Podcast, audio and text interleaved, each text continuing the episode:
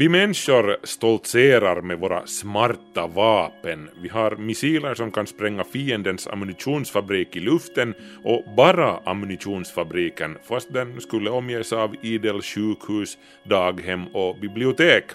Visst är vi duktiga. Men utvecklingen går lyckligtvis framåt också då det gäller på riktigt nyttiga saker som läkekonsten till exempel. Jag hade nöjet att intervjua en av världens ledande experter på så kallad personlig medicin, Jonathan Knowles. Han rekryterades i fjol av Helsingfors universitet och är nu professor på Institutet för molekylär medicin i Finland. Och sannerligen, här har vi en man som brinner för det han gör. Knowles entusiasm är smittande och man vill tro honom då han lovar att kriget mot sjukdomarna rasar som aldrig förr och att det är vi som vinner. Over the last only five years basically, there have been huge advances in our understanding of the molecular basis of medicine. What's, you know, why, what's the actual mechanism behind why people get sick? And as importantly, what can we do about it? And this is particularly true for cancer. De senaste fem åren har forskare tagit stora kliv framåt på vägen mot en djupare förståelse av hur sjukdomar uppstår och vad vi kan göra åt dem på molekylnivå. Det här gäller speciellt för cancer. Från en liten bit tumörvävnad kan läkare nu läsa, mer exakt än någonsin förr, allt de behöver veta om just den här formen av cancer och sedan ordinera exakt rätt medicin. So we're moving away from this idea that if you have breast cancer, all breast cancer patients get this drug, towards you have your particular cancer needs this particular type of therapy. And by the way, we're not just talking about drugs, we're also talking about, about surgery and radiation and a whole series, everything you do to, to treat a patient. But I, I want to emphasize this is new. So this was not possible five years ago. Längre handlar det inte om att du har bröstcancer utan exakt vilken sorts bröstcancer och exakt vilken vårdmetod som biter på just den sortens sjukdom vilken sorts strålbehandling eller kirurgi och så vidare. Skräddarsydd vård kunde man kalla det. Och det är speciellt en sak som har gjort det här möjligt, det är att vi idag kan läsa människans gener som en öppen bok. Uh, we can now sequence whole genomes yeah. easily. We can now get a description of what each, every single gene in a tumor is doing. Yeah. Is, it, is, the more, is it up? Is it down? What, what is it doing? We can get a better description of which particular changes in that patient's cancer have occurred that allow the cancer to grow. Vi har idag redskapen för att sekvensera hela ditt genom enkelt.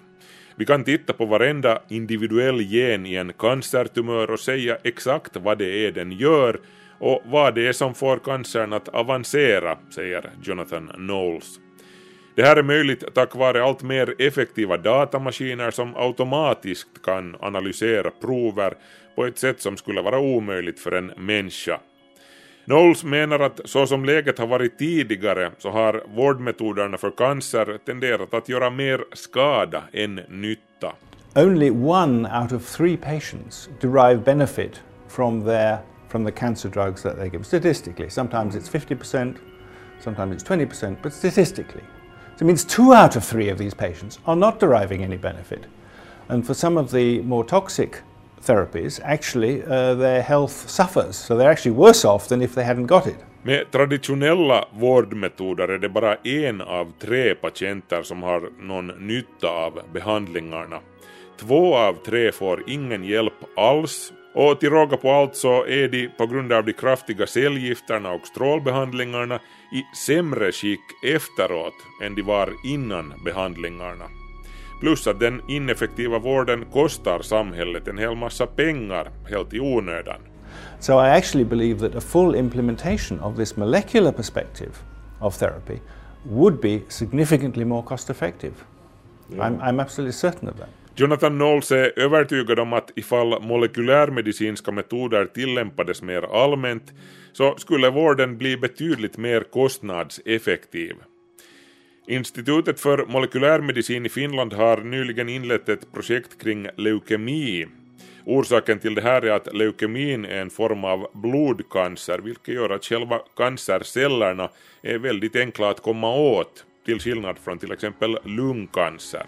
Men också vad svåra former av cancer beträffar, som just lungcancer, har man gjort viktiga genombrott. And the breakthrough is that uh, it is now possible to detect small tumors about one centimeter across from one milliliter of blood using uh, some very novel uh, diagnostics technologies. That, that is, that is um, it's just new information, it's just starting to be published, but that is going to cause a complete revolution in how we treat cancer. Läkare kan nu upptäcka mycket små tumörer på bara en centimeter i diameter genom att analysera så lite som en milliliter blod och det här är helt nytt, säger Knowles. Det kommer att revolutionera cancervården totalt, tror han.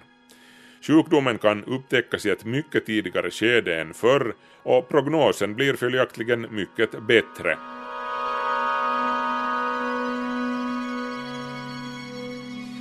Utvecklingen inom medicinen påminner lite om den som pågått inom bilindustrin. En mekaniker behöver ju numera bara plugga in din bil i datorn och vips ser han var felet ligger och hur bilen mår. Snart kan ett läkarbesök påminna lite om det här. Very close. Uh, I, I mean, actually, I think we're, we are almost there. Uh, that it is the number of, particularly in cancer, we are already there. Men nu kanske någon invänder att ja, men med all den här högteknologin faller inte människan, individen, lite i skymundan? Tvärtom, säger Jonathan Knowles. Uh, no, I think on the contrary. I think that all of this new technology means that the person comes to the forefront because you're no longer part of a statistic. You become an individual because your disease is individually defined, and your treatment is quite different, maybe, uh, from uh, 90% of other people with the same kind of disease. So I would say the person comes to the fore. Det är just det här som personlig medicin handlar om. Det är individen som är viktig.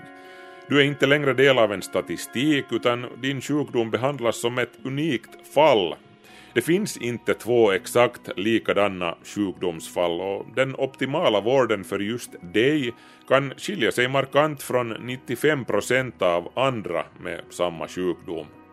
Men, säger Knowles och rynkar pannan i djupa veck, i det här sammanhanget ska vi minnas en sak. Cancer blir aldrig en trivial grej.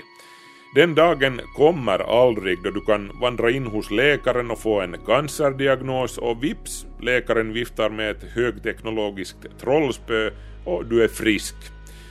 Vi har alla skyldigheten att med våra personliga val och levnadsvanor minska på risken för att insjukna. I don't think that we're going to get to the stage where you know you walk into an office, somebody says you have cancer, and then you come you know, come back next week, have an operation, and that's it. You don't have it. I don't think I don't think we will get there. We will always have it'll always be a complex disease, but. Uh, of course we should always try and live healthily, but that's a, an individual decision.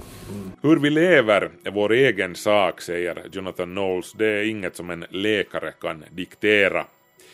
Slutligen, det finns en naiv uppfattning hos många att läkekonsten en dag är så avancerad att vi får ett piller som botar alla sjukdomar. Man talar om så kallade magic bullets, trollkulor. Tron på de här är betydligt mer utbredd än man kanske skulle tro. Jonathan Knowles anser att den här formen av övertro på vetenskapens allsmäktighet och förenkling av verkligheten är rent av farlig. Any new medicine we create will only work for some set of patients. It will never work for all of patients. And the reason that is is precisely because even if we say we've got Alzheimer's or something, there are at least three or four different types of Alzheimer's. If we say we've got breast cancer, there are probably a hundred or more different classes of breast cancer. Inte ens för enskilda sjukdomar är en universalkur möjlig. Bara av Alzheimers sjukdom finns det tre till fyra olika varianter som alla måste angripas från helt olika vinklar. Bröstcancer finns det kanske hundra olika versioner av eller mer.